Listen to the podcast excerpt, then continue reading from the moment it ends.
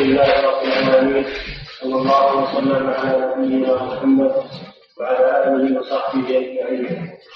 قال الحافظ رحمه الله تعالى عن عمر رضي الله عنه قال قال رسول الله صلى الله عليه وسلم يقول سبحانك اللهم وبحمدك وتبارك اسمك وتعالى جدك ولا إله غيرك رواه مسلم بسند منقطع ورواه الدين موسوعا وموقوفا ونحوه عن ابي سعيد الخدري رضي الله عنه مرفوعا عند الخمسة وفيه وكان يقول بعد التكبير أعوذ بالله السميع العليم من الشيطان الرجيم من همزه ونفسه ونفسه وعن عائشة رضي الله عنها قالت كان رسول الله صلى الله عليه وسلم صلاة بالتكبير والقراءة لله رب العالمين والقراءة والقراءة والقراءة لله رب العالمين وكان إذا رفع لم يحدث بصره ولم يصور لم يحدث رأسه ولم يصور. وكان إذا رفع من الركوع لم يسجد حتى يستوي قائما. وإذا وكان إذا رفع من السجدة لم يسجد حتى يستوي جالسا وكان يقرأ في كل ركعتين التحية وكان ينهى عن تخويف الشيطان وأن يفترش الرجل ذراعي فراش السبع وكان يختتمها بالتسليم.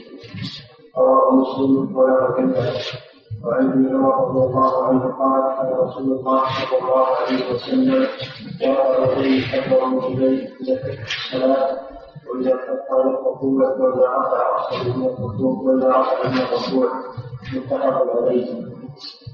وفي حديث أبي حميد بن أبي داود يرفع يديه حتى يلقى بهما عن يديه ثم يكفر ولمسلم عن مالك ولم نحو حديث ابن عمر لكن قال حتى يلقى بهما هو ابو سعيد وعن معاذ بن قال صليت مع النبي صلى الله عليه وسلم ووضع يده اليمنى على يده على يده اليسرى على صدره أخرجه التسليم وعن عبادة بن الصامت قال قال رسول الله صلى الله عليه وسلم صلاتين بين نقرأ فيهم القرآن متفق عليه وفي رواية ابن حبان وكان حكمي في صلاة لا يقرأ فيها بفاتحة الكتاب وفي أخرى لأحمد وأبي داود والترمذي وابن حبان لعلكم تفرحون خلف إمامكم قلنا نعم قال لا تفعلوا إلا في الكتاب فإنه لا صلاة لمن لم يقرأ فيها.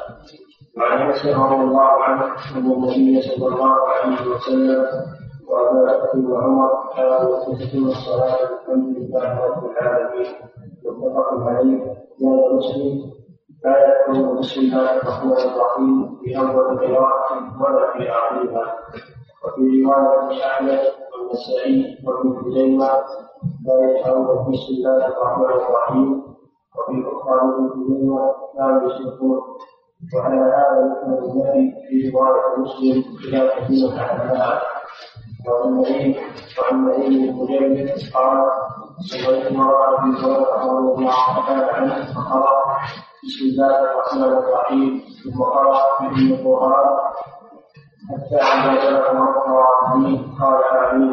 ويقول كلما سجد. وإذا قال من الجلوس الله أكبر ثم يقول إذا سلم والذي نفسي بيده إني لأشتقكم صلاة لرسول الله صلى الله عليه وسلم. رواه مسلم وابن قتيبة. وعن أبي هريرة رضي الله عنه قال قال رسول الله صلى الله عليه وسلم إذا قرأتم الفاتحة فاقرأوا بسم الله الرحمن الرحيم. فإنها إحدى آياتها رواه الدارقطني وصوب موقع وعنه قال كان رسول الله صلى الله عليه وسلم إذا قرأ قراءة من القرآن رفع صوتا وقال آمين. رواه الدارقطني وحسنه والحاكم وصححه. ولأبي داود والترمذي من حديث وائل بن حجر وعن عبد الله بن أوفى رضي الله عنه قال جاء رجل إلى النبي صلى الله عليه وسلم فقال إني لا أستطيع أن آخذ من القرآن شيئا فأعلمني ما يجزئني منه فقال قل سبحان الله والحمد لله ولا إله إلا الله والله اكبر ولا حول ولا قوه إلا بالله العظيم الحديث. رواه أحمد وأبو داود والنسائي وابن حبان والدارقطني والحاكم. وعن أبي بكر رضي الله عنه قال كان رسول الله صلى الله عليه وسلم يصلي بنا ويقرأ في الظهر والعصر بركعتين الاوليين بفاتحه الكتاب والسورتين ويسير الآية أحيانا يقول الركعة الأولى ويقرأ بها في بفاتحة الكتاب متفق عليه. وعن أبي سعيد الخدري رضي الله عنه قال كنا نحرز ثياب رسول الله صلى الله عليه وسلم وفي العصر فحرزنا قيامه حزرنا حزرنا. حزرنا قيامه في الركعتين الاوليين من يقول قدر الدار من تنزيل السجاد وفي الأخرين قدر نصف من ذلك وفي الأولين من العصر على قدر الأخرين من الظهر والأخرين من ذلك رواه مسلم وعن سليمان بن يسار قال قال فلان تجد الأولين من الظهر في فقد العصر ويقع في المغرب باختصار مفصل وفي انتشاء الوسط وفي الشرك بالرواية فقال أبو هريرة ما صليت وراء أحد أشبه صلاة برسول الله صلى الله عليه وسلم بهذا أخرجه النسائي بإسناد صحيح بسم الله الرحمن الرحيم. الحمد لله رب العالمين صلى الله وسلم على نبينا محمد وعلى آله وصحبه وبعد. هذه الأحاديث في بيان صفة الصلاة الواردة عن الرسول صلى الله عليه وسلم من أقواله وأفعاله. وتقدم في الجلسة الماضية أول الأحاديث الواردة في هذا الباب. وانتهينا إلى الأحاديث الواردة في الاستفتاح وهو الذكر الذي يقوله الرسول صلى الله عليه وسلم بعد تكبيرة الإحرام وقبل قراءة الفاتحة. والاستفتاح سنة في سنن الصلاة. إن أتى به فهو أكمل وإن تركه فالصلاة صحيحة. وقد وردت عن النبي صلى الله عليه وسلم أحاديث فيها أنواع من الاستفتاحات. منها أنه صلى الله عليه وسلم كان يقول وجهت وجهي للذي فطر السماوات والأرض حنيفا وما أنا من المشركين. إن صلاتي ونسكي ومحياي ومماتي لله رب العالمين. لا شريك له وبذلك أمرت وأنا أول المسلمين. وأنه صلى الله عليه وسلم كان يقول لبيك وسعديك والخير في يديك. والشر ليس إليك وأنا بك وإليك. وكان أيضا يقول صلى الله عليه وسلم ولا سيما في صلاة الليل إذا قام في صلاة الليل فإنه يستفتحها بقوله اللهم رب جبرائيل وميكائيل وإسرافيل فاطر السماوات والأرض عالم الغيب والشهادة أنت تحكم بين عبادك فيما كانوا فيه يختلفون. اهدني لما اختلف فيه من الحق بإذنك. إنك تهدي من تشاء إلى صراط مستقيم. وورد عنه صلى الله عليه وسلم أنه كان يقول اللهم باعد بيني وبين خطاياي كما باعدت بين المشرق والمغرب.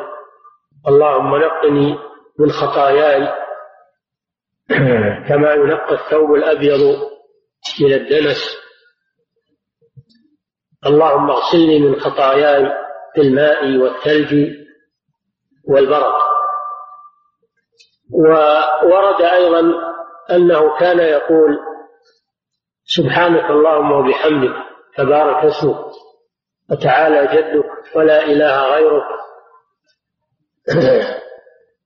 وكل هذه أنواع من أنواع الاستفتاح. أي نوع جاء به منها فإنه سنة. ولكن الأخير سبحانك اللهم وبحمدك هذا كان عمر رضي الله عنه يستفتح به ويعلمه الناس فدل على أنه أرجح. سبحانك اللهم وبحمدك تبارك اسمك تعالى جدك ولا إله غيرك. فهو دعاء عظيم. ومعنى سبحانك اللهم وبحمدك تنزيه لله. تسبيح معناه تنزيه. تنزيه الله جل وعلا عما لا يليق به. وبحمدك أي سبحتك بحمدك. فأنت الذي أنت الذي هديتني لهذا وعلمتنيه فهو ثناء على الله سبحانه وتعالى. وشكر لله على هذا التوفيق. فلولا توفيقك وهدايتك لم أسبحك. فهو اعتراف بفضل الله عز وجل واعتراف بعجز العبد. لولا توفيقه سبحانه وتعالى. تبارك اسمك أي البركة تنال بذكرك. بركة تنال بذكرك. فإذا ذكر اسم الله على شيء أنزل الله فيه البركة من الأكل والشرب وكل أعمال بني آدم إذا ذكر اسم الله عليها بأن يقول بسم الله. على الأكل بسم الله في بداية الشرب بسم الله عند الدخول عند الخروج.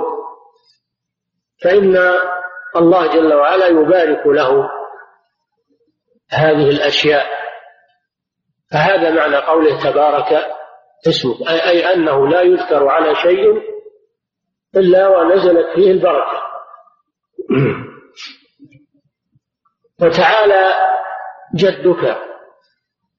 الجد معناه العظمة. أي جلت عظمتك. تعالى أي جل عظمتك يا الله. ولا إله غيرك أي لا معبود بحق سواك. فهي فهي ألفاظ عظيمة تستفتح بها الصلاة. فإذا أتى بواحد من هذه الاستفتاحات فإنه قد عمل بالسنة. وكونه تارة يأتي بنوع وفي المرة الأخرى يأتي بنوع آخر منها من أجل أن يعمل بالجميع أحسن.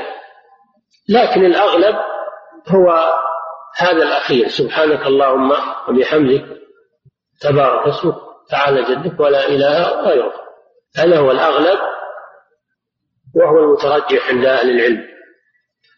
ثم يقول بعد الاستفتاح أعوذ بالله من الشيطان الرجيم أعوذ بالله السميع العليم من الشيطان الرجيم من همزه ونفخه ونفثه وذلك أيضا من سنن الصلاة. الاستعاذة بعد الاستفتاح من سنن الصلاة. وأعوذ معناها ألتجئ وأعتصم. السميع لأقوال العباد العليم بأفعالهم فإنه سبحانه وتعالى يسمع ما يقولون ويعلم ما يفعلون لا يخفى عليه شيء. فهما اسمان من أسماء الله. عظيمان يتضمنان صفتين من صفاته هما السمع والعلم. من الشيطان الشيطان هو المارد من الجن وكذلك المارد من الإنس. كل متمرد عن طاعة الله فإنه يسمى شيطانا سواء كان من الجن أو كان من من الإنس. قال تعالى شياطين الجن والإنس يوحي بعضهم إلى بعض زخرف القول غرورا. فهناك شياطين من الجن وهناك شياطين من الإنس. ورأس الشياطين هو إبليس لعنه الله. رأس الشياطين هو إبليس لعنه الله.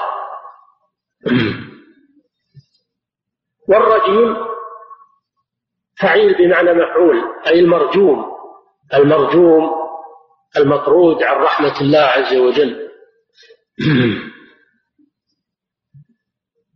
من همزه ونفخه ونفخه.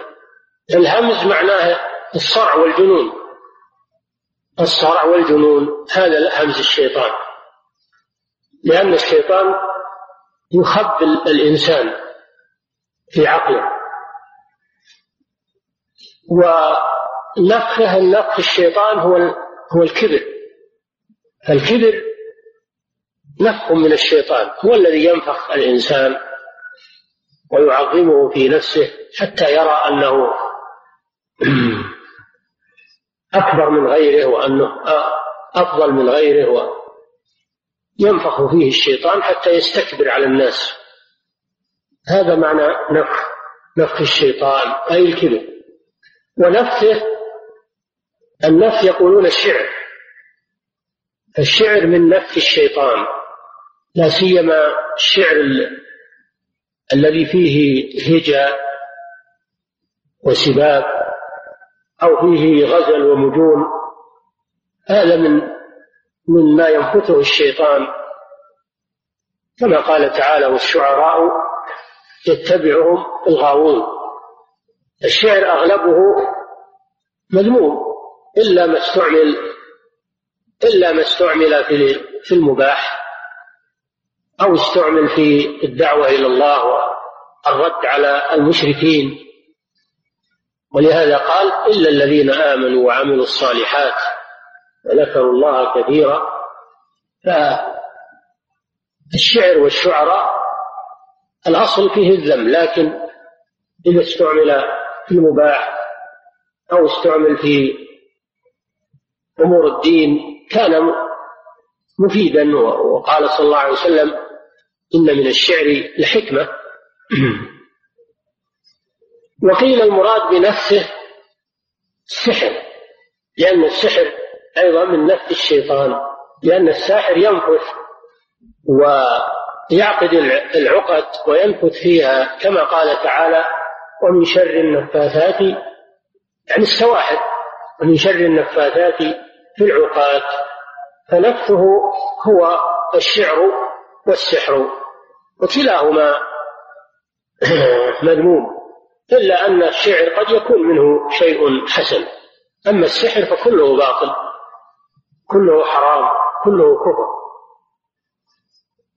فالاستعاذة بعد الاستفتاح وقبل القراءة مستحب في أول في أول الصلاة. وأما في الركعة الثانية والثالثة والرابعة فلا يستعيذ فيها. تكفي الاستعاذة في أول في أول ركعة.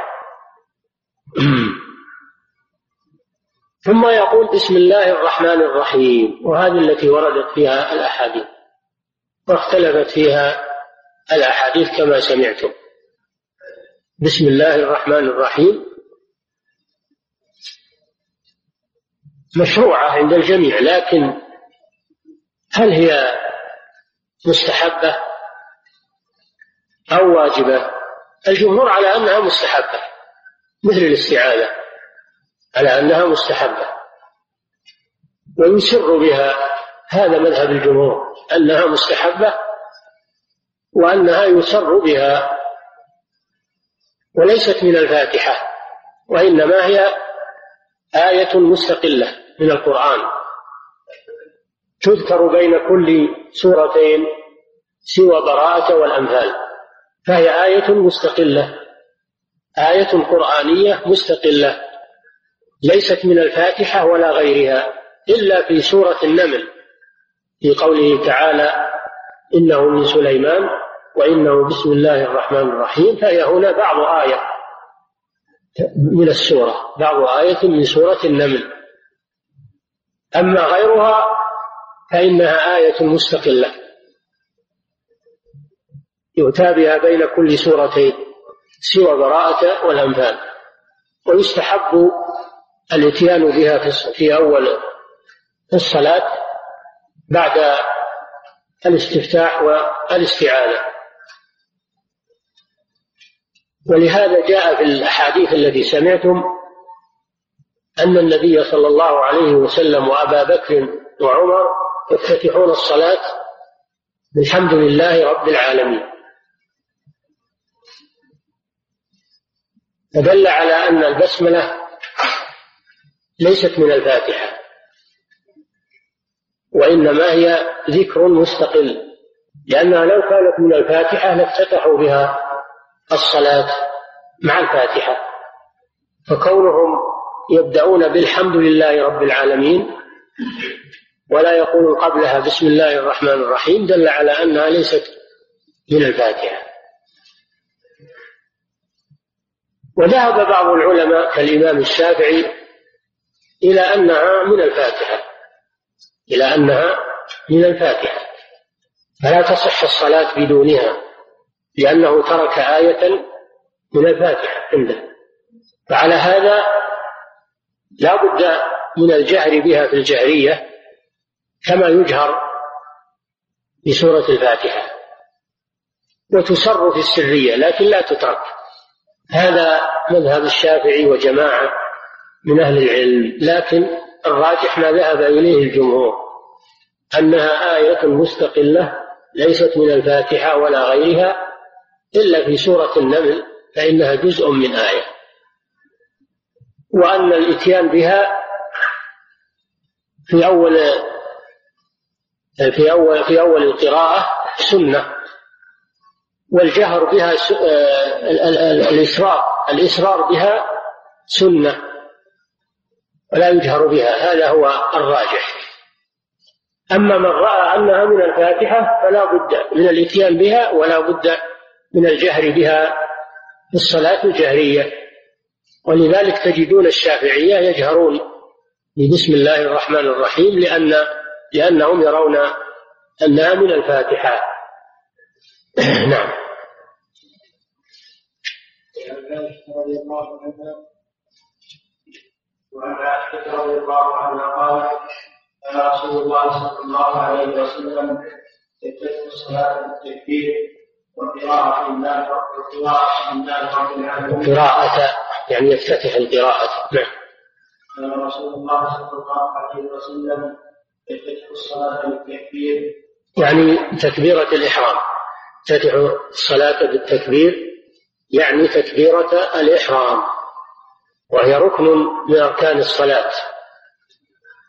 لا تصح الصلاة إلا بها بل لا تنعقد الصلاة لا تنعقد إلا بتكبيرة الإحرام. فلو دخل في الصلاة من غير تكبير لم تنعقد صلاته. وكذلك لو أتى بغير التكبير من أنواع الأذكار كما لو قال الحمد لله أو سبحان الله أو قال لا إله إلا الله بدل التكبير لم تنعقد صلاته أيضا. لأن النبي صلى الله عليه وسلم كان يفتتح الصلاة بالتكبير. وقال عليه الصلاة والسلام تحريمها التكبير وتحليلها التسليم. هذا معنى قول عائشة رضي الله عنها كان رسول الله وكان تفيد الاستمرار والمداومة. فكان لا يدع التكبير في بداية الصلاة. والقراءة يعني يفتتح القراءة بالحمد لله رب العالمين. فدل على أن البسملة ليست من الفاتحة ودل على أنها يسر بها ولا يجهر بها. هذا هو الثابت من سنة رسول الله صلى الله عليه وسلم في البسملة وهو الذي عليه جمهور أهل العلم. وإن جهر بها بعض الأحيان فلا بأس إن جهر بها بعض الأحيان فلا بأس. أما المداومة على الجهر بها فهذا خلاف ما دلت عليه الأحاديث الكثيرة. نعم. وكان إذا رفع لم يخرج رأسه ولم يصوره وكان صلى الله عليه وسلم إذا ركع لم يشخص رأسه في حال الركوع ولم يصوبه يعني لم يرفع رأسه ولم يخفضه بل كان يجعله مستويا حيال ظهره صلى الله عليه وسلم. دل على أن رفع الرأس في الركوع أو خفض الرأس في الركوع بحيث يكون غير مساوي غير غير مساو لظهره إنه خلاف السنة. الركوع صحيح لكن خلاف السنة والأفضل. نعم. ولكن بين ذلك يعني بين الخفض وبين الرفع. يجعل رأسه بين الخفض وبين الرفع. حيال ظهره صلى الله عليه وسلم. نعم. وكان إذا رفع وكان إذا رفع من الركوع لم يسجد حتى يستوي قائما وكان إذا, وكان إذا رفع من الركوع لم يسجد حتى يستوي قائما. هذا فيه دليل على الاعتدال من الركوع وأنه ركن من أركان الصلاة كما سبق في حديث المسيء في صلاته. فلو رفع من الركوع ثم سجد على طول ولم يعتدل لم تصح صلاته لأنه ترك ركنا من أركانها وهو الاعتدال بعد القيام من الركوع. نعم. وكان إذا رفع رأسه من السجدة لم يسجد حتى يستوي جالسا. كذلك الجلوس بين السجدتين ركن من أركان الصلاة. بحيث يجلس معتدلا ويقول ما ورد رب اغفر لي كما يأتي. أما لو أنه رفع رفعا سريعا ثم سجد على طول ولم يجلس بين السجدتين فإن صلاته غير صحيحة لأنه ترك ركنا من أركان الصلاة. نعم. وكان يقول في كل ركعتين تحية. وكان صلى الله عليه وسلم يقول في كل ركعتين التحية. يعني يقول التحيات لله الصلوات ويأتي يأتي آه، التشهد الأول والتشهد الأخير وما يقال فيهما. فدل على أن التشهد الأول واجب من واجبات الصلاة وأما التشهد الأخير فهو ركن من أركان الصلاة كما يأتي. والتحية معناها التعظيم. تحيات لله معناها جميع التعظيمات لله من الركوع والسجود والذبح وغير ذلك كله مستحق لله عز وجل. لا يجوز أن يصرف لمخلوق لا يجوز أن يركع لمخلوق من باب التحية ولا أن ينحنى للمخلوق من باب التحية. هذا شرك بالله عز وجل. ومن باب أولى لا يجوز السجود للمخلوق. كانوا في الجاهلية يسجدون لملوكهم وكذلك المشركون يسجدون لملوكهم فالسجود لا يجوز إلا لله سبحانه وتعالى. الركوع والسجود والانحناء وجميع ما يعظم به الرب سبحانه وتعالى فإنه خاص بالله عز وجل. نعم. وكان يحرك رجله اليسرى وينصب اليمنى وكان ينهى عن الشيطان. وكان هذا كله في حديث عائشة رضي الله عنها. وكان إذا جلس للتشهد الأول يفرش اليسرى ويجلس عليها وينصب اليمنى يعني يجعل القدم على الأرض ويرفع العقل هذا معنى النصب. نصب اليمنى بأن يجعل قدمها وأصابعها على الأرض ويرفع عقبها هذا في التشهد الأول وهو ما يسمى بالافتراش. وفي التشهد الأخير كما سبق كان يتورك عليه الصلاة والسلام بمعنى أنه يفرش اليسرى ويخرجها من تحته ويجلس على مقعدته صلى الله عليه وسلم. وينصب اليمنى كما سبق ويخرجها من تحت ويجلس على الأرض. هذا في التشهد الأخير وهو ما يسمى بالتورط. وكان ينهى عن عقبة الشيطان. نوع من من الجلسات.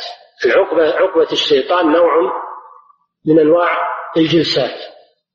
قالوا معناه أن يجعل بطون قدميه على الأرض. ويرفع عقبيه ويجلس على عقبيه يجعل مقعدته على عقبيه. هذا معنى عقبة الشيطان. ولكن هذا التفسير فيه نظر لأنه ورد أن أن بعض الصحابة يفعله بين التشهد الأول يجلس على هذه الصفة في التشهد الأول وهم العبادلة عبد الله بن عمر وعبد الله بن عباس وعبد الله بن مسعود. فكانوا يفعلون هذا. يعني يجلسون بين التشهد الأول على هذه الصفة. يجعل بطون قدميه على الأرض ويرفع عقبيه ويجلس عليهما. فليس هذا هو عقبة الشيطان المنهي عنه؟ ولكن عقبة الشيطان على التفسير الثاني وهو أن يجعل مقعدته على الأرض ويرفع ركبتيه يرفع ركبتيه ويضع يديه على الأرض. هذه عقبة الشيطان وهي الإطعاء الذي يأتي النهي عنه نهى عن إطعاء كإطعاء الكلب. ومعروف أن الكلب يجعل مقعدته على الأرض ويرفع رجليه إلى أعلى ويجعل يديه على الأرض. هذا يشبه يشبه إطعاء الكلب. نحن منهيون عن هذا في الصلاة. نعم. وينهى أن الرجل أن الرجل ذراعيه افتراش السبع ينهى عن افتراش الرجل ذراعيه يعني في السجود. في السجود. سبق أنه صلى الله عليه وسلم كان يضع يديه على الأرض ويرفع ويرفع ذراعيه. لا. ونهى أن يفترش ذراعيه على الأرض كافتراش السبع الكلب يعني كافتراش الكلب لأن الكلب يفرش ذراعيه على الأرض وكلبهم باسط ذراعيه بالوسيط بالوسيط. هذه عادة الكلاب. ونحن منهيون عن التشبه بالحيوانات لا سيما في الصلاة. في الصلاة نهينا عن افتراش كافتراش السبع وعن التفات كالتفات الثعلب وعن إطعاء كإطعاء الكلب وعن نقر كنقر الغراب وعن بروك كبروك البعير. نهينا عن التشبه بالحيوانات في أفعال الصلاة. وكذلك على وجه العموم الإنسان منهي عن التشبه بالحيوانات حتى في غير الصلاة. نعم. وكان يحكم الصلاة بالتسليم. كان صلى الله عليه وسلم كما كان يفتتح الصلاة بالتكبير يعني تكبيرة الإحرام كان. كان يختمها بالتسليم. يعني يقول السلام عليكم ورحمة الله. عن يمينه؟ السلام عليكم ورحمة الله. عن يساره فلو أنه خرج من الصلاة بدون تسليم ما صحت. لأن التسليم ركن من أركان الصلاة. لا يخرج منها إلا كما لا يدخلها إلا بالتكبير ولا تنعقد إلا بالتكبير. كذلك لا يخرج منها ولا يتحلل منها إلا بالتسليم. فهو ركن من أركان الصلاة. لو تركه لم تصح صلاته. نعم. فهذه جملة أحكام ذكرتها عائشة رضي الله عنها في صفة صلاة النبي صلى الله عليه وسلم من أجل أن نقتدي به فيها. قوله صلى الله عليه وسلم صلوا كما رأيتموني أصلي. ولقوله تعالى لقد كان لكم في رسول الله أسوة حسنة لمن كان يرجو الله واليوم الآخر وذكر الله كثيرا. فهو القدوة صلى الله عليه وسلم. هو القدوة لنا في صلاتنا وفي غيرها. نعم. فلا نحدث في الصلاة شيئا لم يرد عن النبي صلى الله عليه وسلم ونستحسنه. ولو فعله من فعله من الناس. إلا بدليل عن الرسول صلى الله عليه وسلم من قوله أو من فعله أو تقريره عليه الصلاة والسلام. نعم. عن ابن عمر رضي الله عنهما أن النبي صلى الله عليه وسلم كان يرفع يديه ومنكبيه إذا افتتح الصلاة وإذا كبر الركوع وإذا رفع رأسه من الركوع متفق عليه. وهذا من صفات الأفعال في الصلاة. ما جاء في هذا الحديث من رفع اليدين. رفع اليدين في ثلاثة مواضع في حديث ابن عمر هذا. عند تكبيرة الإحرام وعند الركوع وعند الرفع من الركوع. فالسنة رفع اليدين في هذه المواضع الثلاثة. ولو تركه فلا حرج عليه صلاته صحيحة لأن هذا سنة. وصفة رفع اليدين كما يأتي أن يرفعهما حذو منكبيه بطونهما إلى القبلة بطونهما إلى القبلة وأصابعها مضمومة بعضها إلى بعض حتى يحاذي بهما منكبيه. هذا منتهى الرفع. وفي الرواية الأخرى إلى فروع أذنيه. وهذه صفة ثانية يرفع يديه إلى فروع أذنيه. هذه وردت أيضا. ومن العلماء من جمع يعني بين الروايتين بأنه يفعل هذا تارة وهذا تارة. ومنهم من جمع بينهما بأن يقال يكون الكفان حذو المنكبين والأصابع حذو الأذنين. يكون الكفان حذو المنكبين والأصابع حذو الأذنين هذا في جمع بين بين الحديثين. هذا منتهى الرفع. وأما وقت الرفع فهو مع التكبير أو قبله. مع التكبير إذا بدأ التكبير يبدأ الرفع. وإذا أنهى التكبير ينهي الرفع. أو قبل التكبير يرفع أولا ثم يكبر. هذا وقت الرفع. إما قبل التكبير وإما مع التكبير. نعم. وهذا مذهب الجمهور. ذهب الجمهور إلى استحباب ذلك والعمل به بثبوته عن النبي صلى الله عليه وسلم.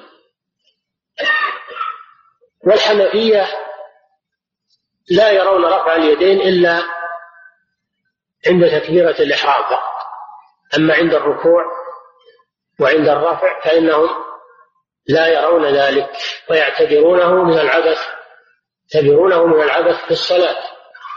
ويحتجون بأن ابن عمر تركه بعض الأحيان ورد عنه أنه كان لا يرفع يديه. لكن على كل حال الحجة فيما ثبت عن النبي صلى الله عليه وسلم.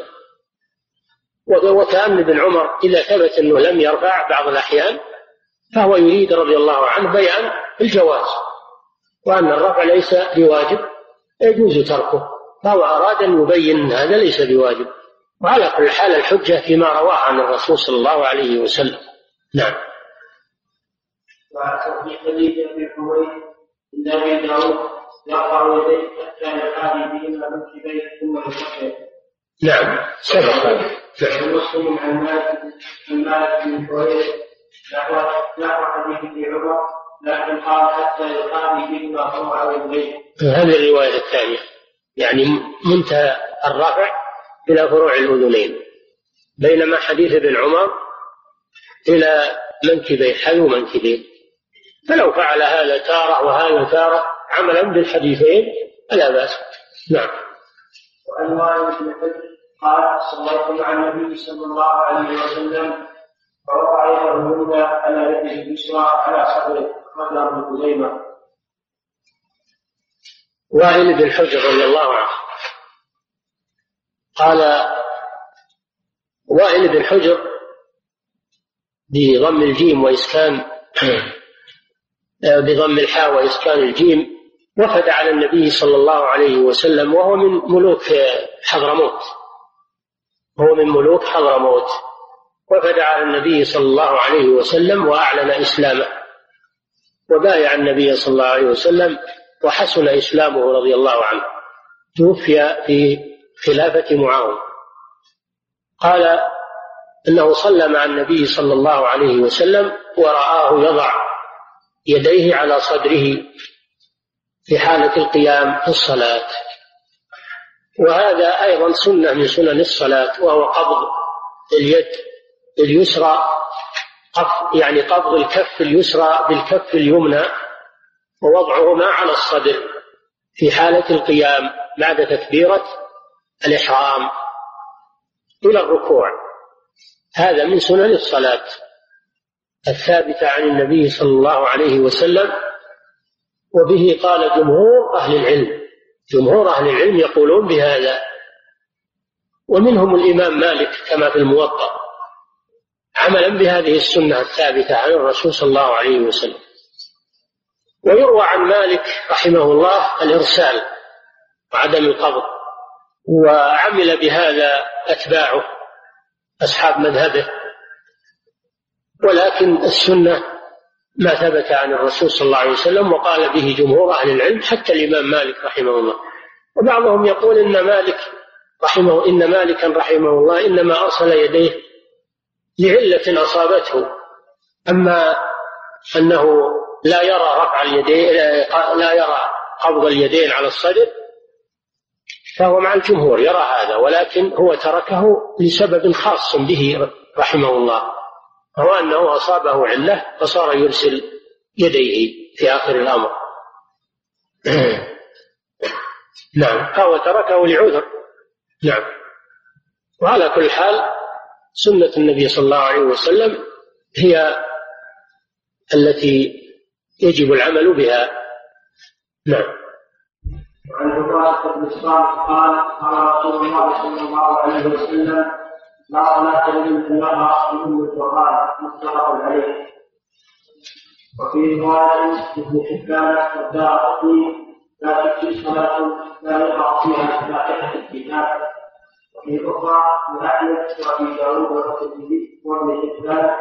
لعلكم تقرؤون خمس إيمانكم قلنا نعم قال لا تسألوا إلا بفاتحة الكتاب فإنه لا لم يقرأ فيها وعن أنس رضي الله عنه عن النبي صلى الله عليه وسلم وعلى بكر وعمر كانوا يفتتحون الصلاة بالحمد لله رب العالمين متفق عليه زاد مسلم لا يذكرون بسم الله الرحمن الرحيم. في أول قراءة ولا في آخرها. وفي رواية ابن أحمد والنسائي وابن خزيمة لا يدعون بسم الله الرحمن الرحيم.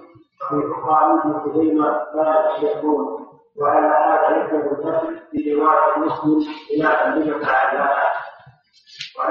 هذا هذا الحديث برواياته فيه مسألتان. المسألة الأولى مسألة قول بسم الله الرحمن الرحيم قبل الفاتحة وبعد الاستعاذة في الركعة الأولى وقول بسم الله الرحمن الرحيم قبل الفاتحة في بقية الركعات. وهذا سبق الكلام عليه. سبق أنه سنة أن الإتيان بسم الله الرحمن الرحيم قبل الفاتحة سنة. عند جمهور أهل العلم وأيضا أنه لا يجهر بها وإنما السنة أن يسر بها. الصلاة الجهرية وفي السرية لا يجهر ببسم الله الرحمن الرحيم لأن النبي صلى الله عليه وسلم وأبا بكر وعمر كانوا يفتتحون الصلاة بالحمد لله رب العالمين فلو كانت بسم الله الرحمن الرحيم. واجبة لجهروا بها. وهذا المقصود من النفي. المقصود من النفي ليس تركها بالكلية وإنما المقصود بالنفي هو عدم الجهر بها مع الإتيان بها كما تدل عليه الأحاديث الأخرى. وهو سنة من سنن الصلاة. هذه المسألة الأولى خلصنا منها. المسألة الثانية قراءة الفاتحة في الصلاة. وهذه مسألة عظيمة. قراءة الفاتحة في الصلاة. أو أم القرآن سميت بالفاتحة لأنها افتتحوا بها المصحف فهي أول سورة في المصحف الشريف لذلك سميت بالفاتحة. وأما أنها أم القرآن فلاشتمالها على معاني القرآن العظيم لأنها سورة عظيمة اشتملت على معاني القرآن العظيم. وأم الشيء هو الأصل الذي يرجع يرجع إليه الشيء. أم الشيء هو الأصل الذي يرجع إليه الشيء. فمعاني القرآن كلها ترجع إلى الفاتحة. لأن فيها أنواع التوحيد الثلاثة وفيها إثبات أسماء الله وصفاته وفيها إثبات الرسالات وفيها إثبات البعث والنشور مالك يوم الدين ويوم الدين هو يوم البعث والنشور والجزاء والحساب سمي بالدين لأنه الحساب لأن الدين معناه الحساب والجزاء. وفيها الرد على جميع الطوائف الضالة بقوله تعالى غير المغضوب عليهم ولا الضالين هذا في رد على جميع الطوائف الضالة من ملل الكفر. والبراءة منها. وهذه معاني القرآن الكريم. القرآن الكريم جاء بذلك.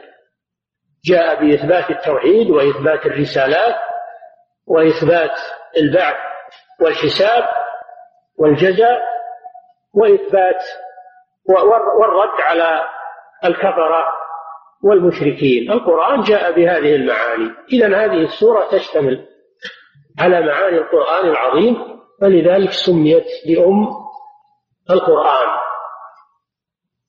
فهي أعظم سورة في القرآن.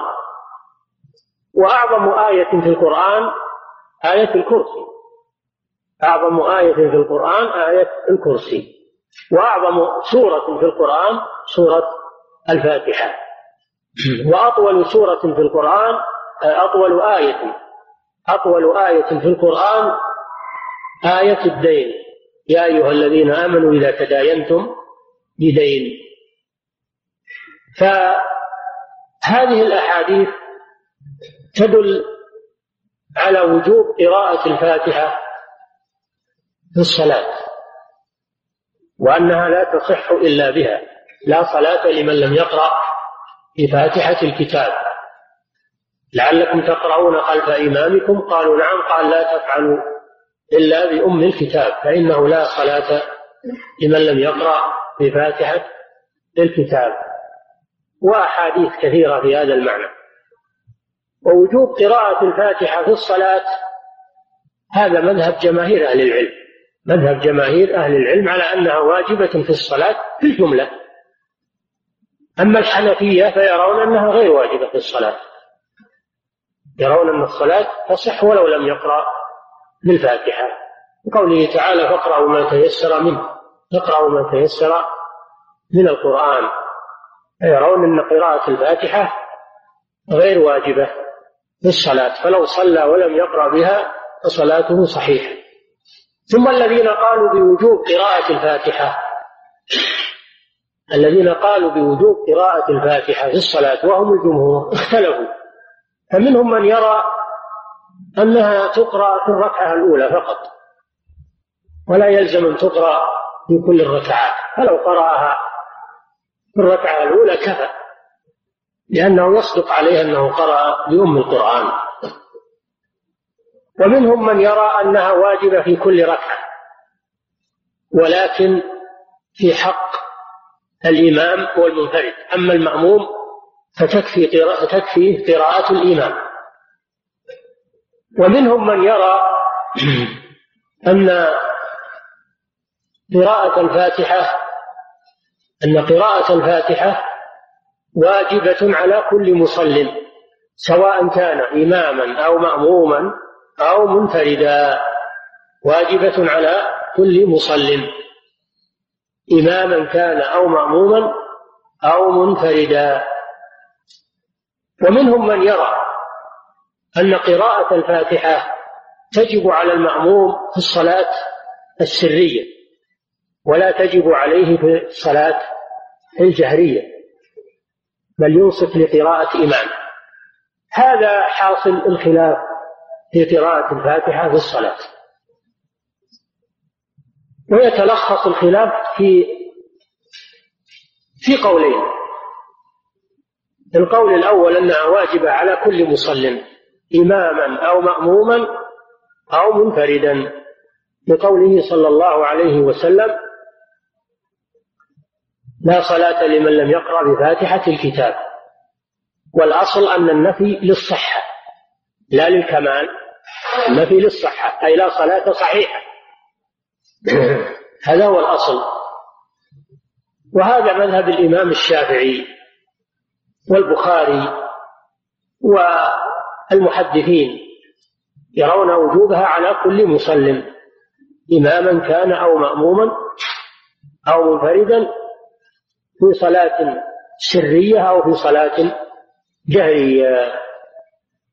وهذا ظاهر الأحاديث. القول الثاني أنها تجب على الإمام وعلى المنفرد.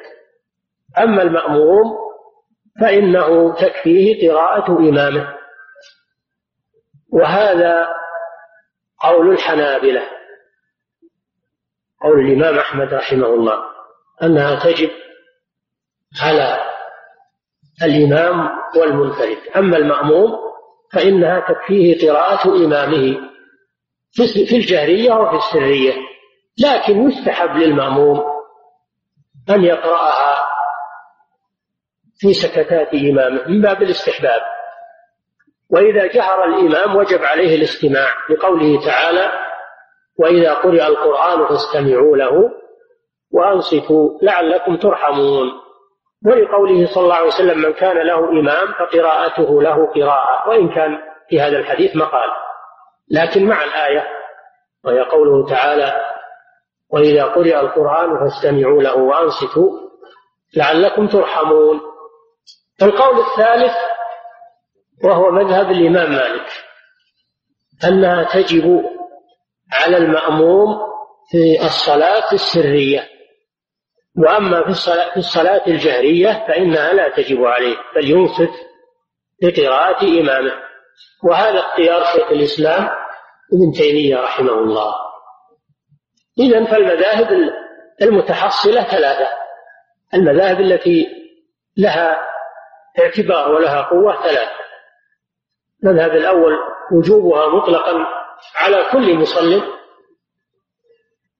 المذهب الثاني وجوبها على الإمام والمنفرد وعدم وجوبها على المأموم. هذا مذهب الإمام أحمد. المذهب الثالث التفصيل بين الصلاة السرية والصلاة الجارية. ففي السرية تجب على كل مصل إماما ومأموما ومنفردا. وأما في الجارية فإنما تجب على الإمام والمنفرد. أما المأموم فإنه ينصت لقراءة إمامه. وهذا اختيار شيخ الإسلام ابن تيمية. وللإمام البخاري رحمه الله مصنف يسمى جزء القراءة خلف الإمام. جزء القراءة خلف الإمام. في هذه المسألة خاصة في قراءة الفاتحة خلف الإمام. وقد ناقشه في هذا الكتاب شيخ الإسلام ابن تيمية في رسالة مطولة.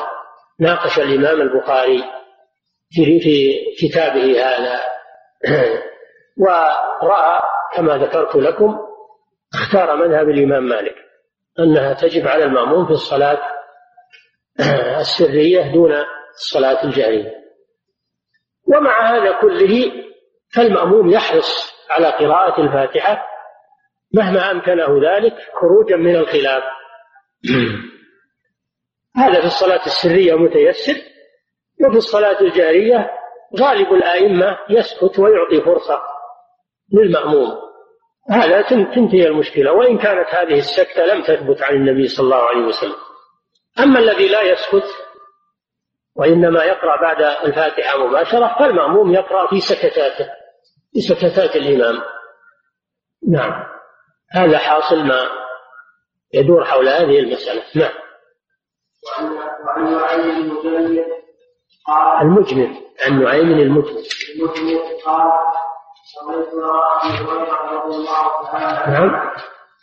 صليت وراء ابي هريره رضي الله تعالى عنه فقرا بسم الله الرحمن الرحيم ثم قرا مثل القران حتى اذا بلغ الصالحين قال امين ويقول كلما سجد وإذا قال من الجلوس الله أكبر. ثم يقول اذا سلم والذي نفسي بيده. اني لا احتاج صلاه لرسول الله صلى الله عليه وسلم رواه مسلم وابن هذا أبو هريرة رضي الله عنه صلى بالصحابة وجهر ببسم الله الرحمن الرحيم. هذا من الأدلة على الجهر ببسم الله الرحمن الرحيم. وقلنا غالب الأدلة على عدم الجهر. فلو فعله بعض الأحيان لا بأس بذلك نظرا لوروده في مثل هذا الحديث.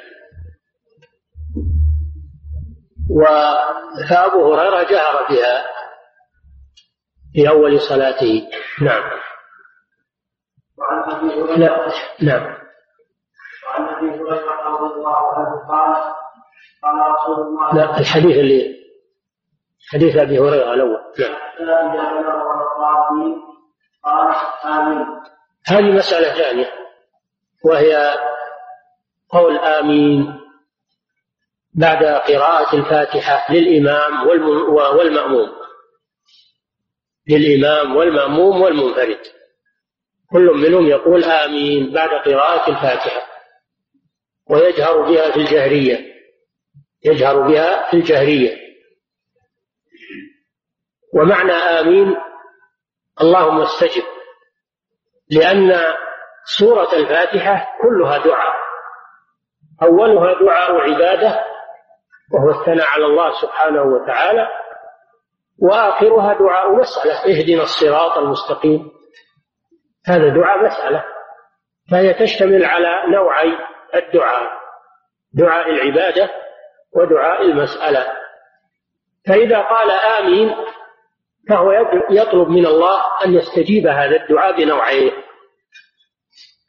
فدل على أن الجهر بآمين بعد الفاتحة في الصلاة الجهرية أنه أنه سنة لأن أبا هريرة فعله ونسبه إلى الرسول صلى الله عليه وسلم وقال إني لأشبهكم صلاة برسول الله صلى الله عليه وسلم. نعم.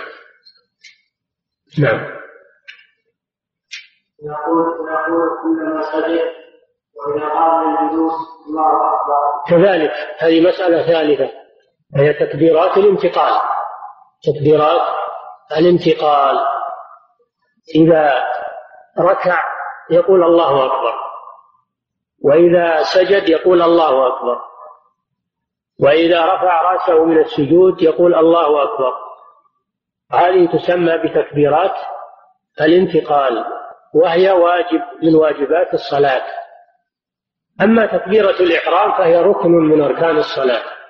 وتكبيرات الانتقال واجب من واجبات الصلاة. نعم. ثم سلم والذي نفسي بيده برسول الله صلى الله عليه وسلم. رواه النسائي وابن خزيمة.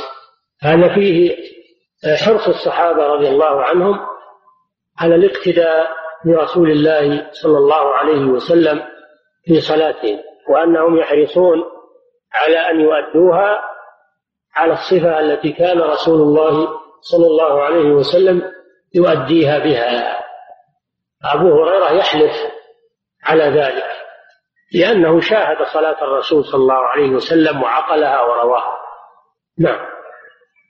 وعن أبي هريرة رضي الله عنه قال قال رسول الله صلى الله عليه وسلم إذا قراتم الفاتحة فقرأوا بسم الله الرحمن الرحيم اكشى اياتنا هذا كما سبق. هذا من أدلة القائلين بالجهر بالبسملة وأنها من الفاتحة. لكن هذا فيه نظر. نعم. وعنه قال قال رسول الله صلى الله عليه وسلم اذا قرأ من قراءة في القرآن رفع صوته وقال آمين. رواه الدارقطني وحسنه والحاكم وصححه. سبق سبق حكم التأمين على الفاتحة وأنه من وأنه من سنن الصلاة للإمام والمأموم في الصلاة الجهرية. وفي الصلاة السرية يسره نعم يؤمن لكن يسر. نعم. نعم.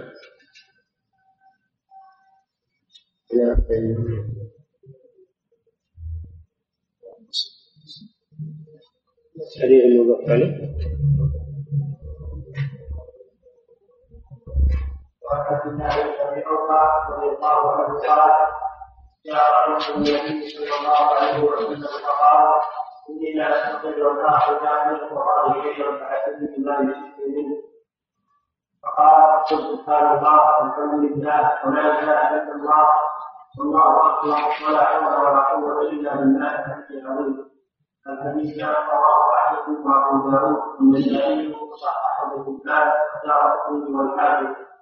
هذا الحديث فيه بيان أن من عجز عن قراءة الفاتحة فإنه يأتي بهذا الذكر. سبحان الله والحمد لله ولا إله إلا الله والله أكبر. ولا حول ولا قوة إلا بالله العلي العظيم. الحديث الآخر فإن كان معك قران فاقرأ والا فاحمد الله وهلله وكبره ثم اركع.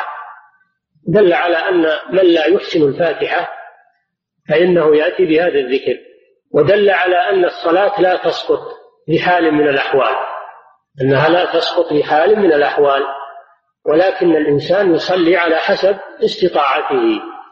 فهذا رجل لا يستطيع قراءة الفاتحة وهي ركن من أركان الصلاة ومع هذا لم تسقط عنه الصلاة بل أمر أن يأتي بما يستطيع وهو قول سبحان الله والحمد لله لا إله إلا الله والله أكبر ولا حول ولا قوة إلا بالله العلي العظيم.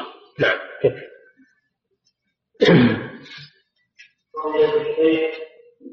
الرابع من طمأنينة بمعنى أن يجلس قليلا ثم يقوم من الركعة الثانية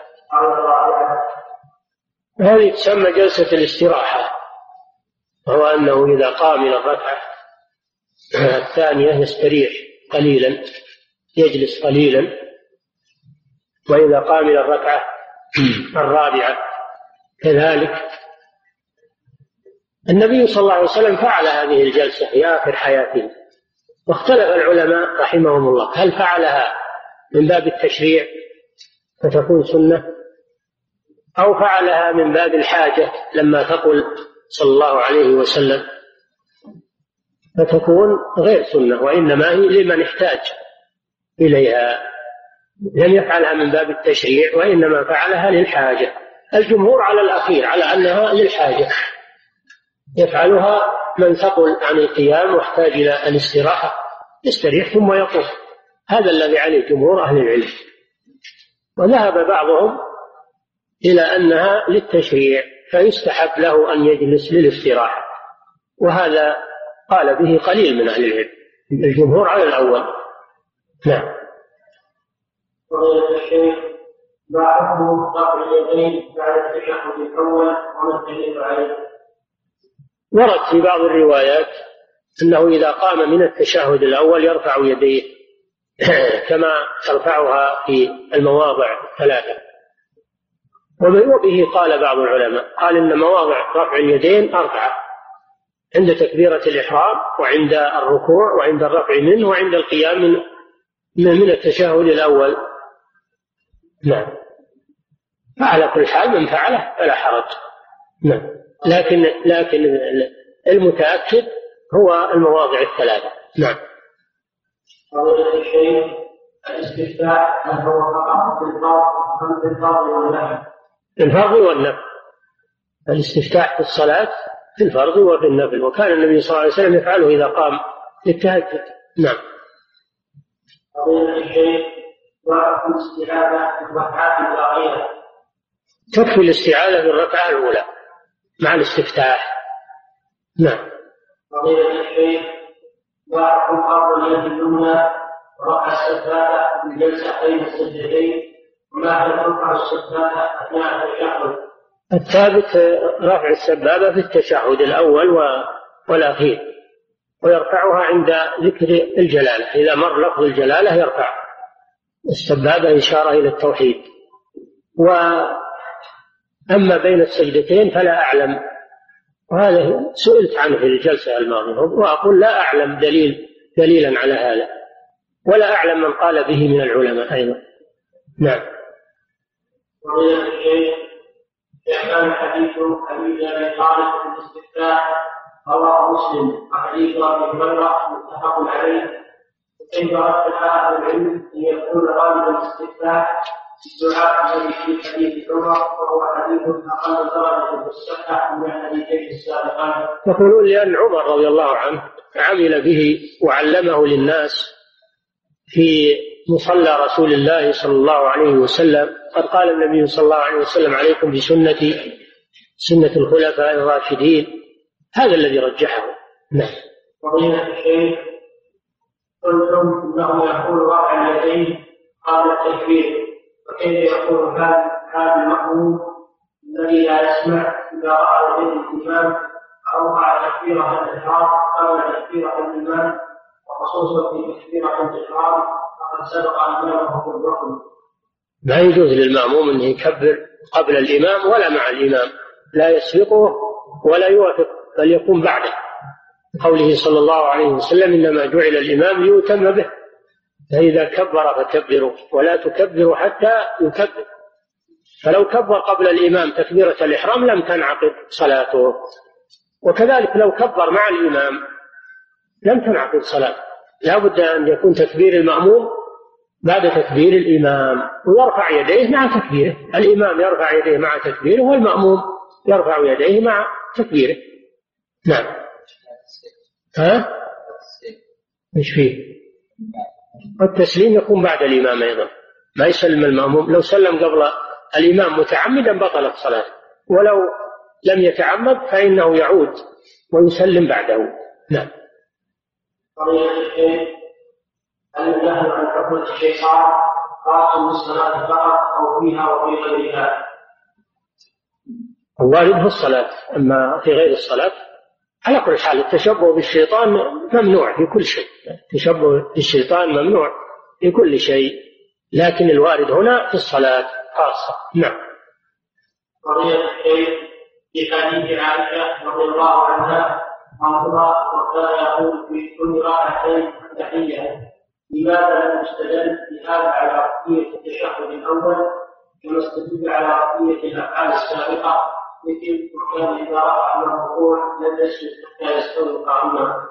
التشهد الأول ليس كالتشهد الأخير بدليل أن النبي صلى الله عليه وسلم لما قام ونسي التشهد الأول لم يرجع إليه ولو كان ركنا رجع إليه دل على أنه ليس ركنا.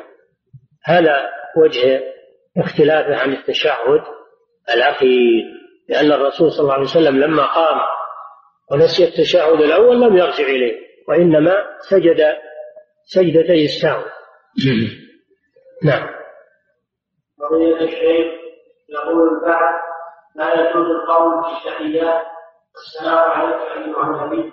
فإن قوله فإن قوله أيها بالخطاب والنبي صلى الله عليه وسلم قال فيقول بدعاء الأوقات وعندما الواجب أن تقول السلام على النبي. هذا من التكلف الذي ما أنزل الله به من سلطان. ما زال المسلمون في مختلف العصور وفيهم العلماء وفيهم المحدثون يأتون بها